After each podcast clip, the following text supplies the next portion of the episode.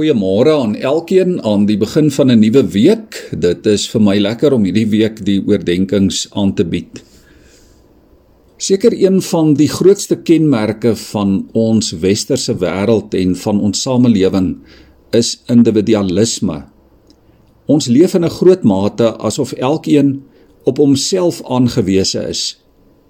Dit is baie dikwels 'n kwessie van elkeen vir homself en die duiwel vir die res. Soms is dit ook 'n manier om onsself te probeer beskerm. Jy maak op jouself en op jou eie insig te staat met die uitgangspunt ek kan mos vir myself sorg. Ek het niemand anders nodig nie. In baie opsigte is dit 'n kwessie van die oorlewing van die sterkste. En elkeen probeer sy en haar bes om hard te werk om bo uit te kom en te presteer. En in die proses trap mense op mekaar om hulle doel te bereik. Maar liewe vriende, die Bybel dink anders oor mense. God dink anders oor mense en oor sy kerk. Die kerk is die familie van God. Dis 'n unieke familie vol verskeidenheid en in hierdie familie van God is daar soos in enige ander familie ook dikwels baie verskille. Verskille van opinie en dikwels ongelukkig ook verwydering tussen die familielede. Maar die wonder is dat ons deur alles kan weet. Ons hoort by mekaar. Ons is broers en susters van die Here. Deur ons broer Jesus Christus het ons as gelowiges 'n Vader en die kerk is ons moeder. In hierdie familie is ons nie almal op dieselfde vlak in ons geloof nie. Daar is sommige wat nog klein en jonk is in geloof, soos kindertjies.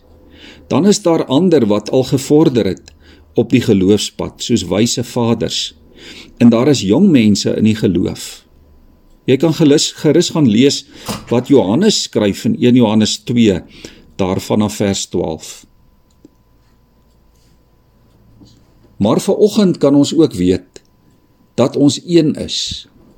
In Efesiërs 1 vers 4 sê Paulus: God het ons nog voordat die wêreld geskep is in Christus uitgekies om heilig en onberispelik voor hom te wees.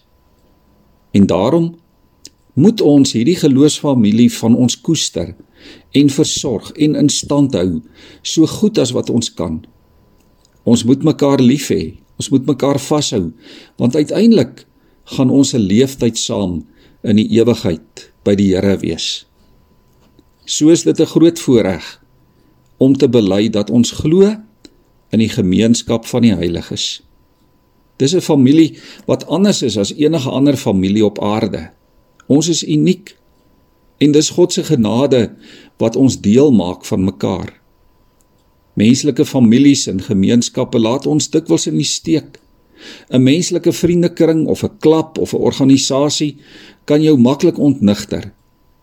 Maar in die gemeenskap van die heiliges, in die familie van God, is ons saam as God se mense en is ons by God en God is by ons. In sy gemeenskap kan jy en ek tuis wees en veilig voel. Kom ons lees uit Kolossense 1 vers 9 tot 14 vir oggend. Paulus bid vir die gelowiges daar in Kolosse.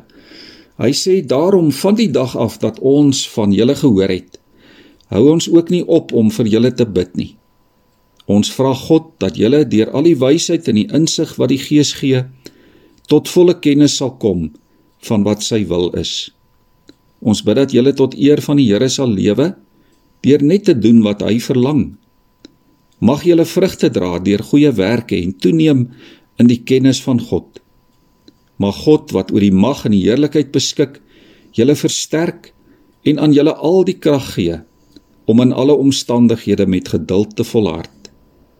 Julle moet die Vader met blydskap dank wat julle geskik gemaak het om deel te hê aan die erfenis wat vir die gelowiges wag in die ryk van die lig.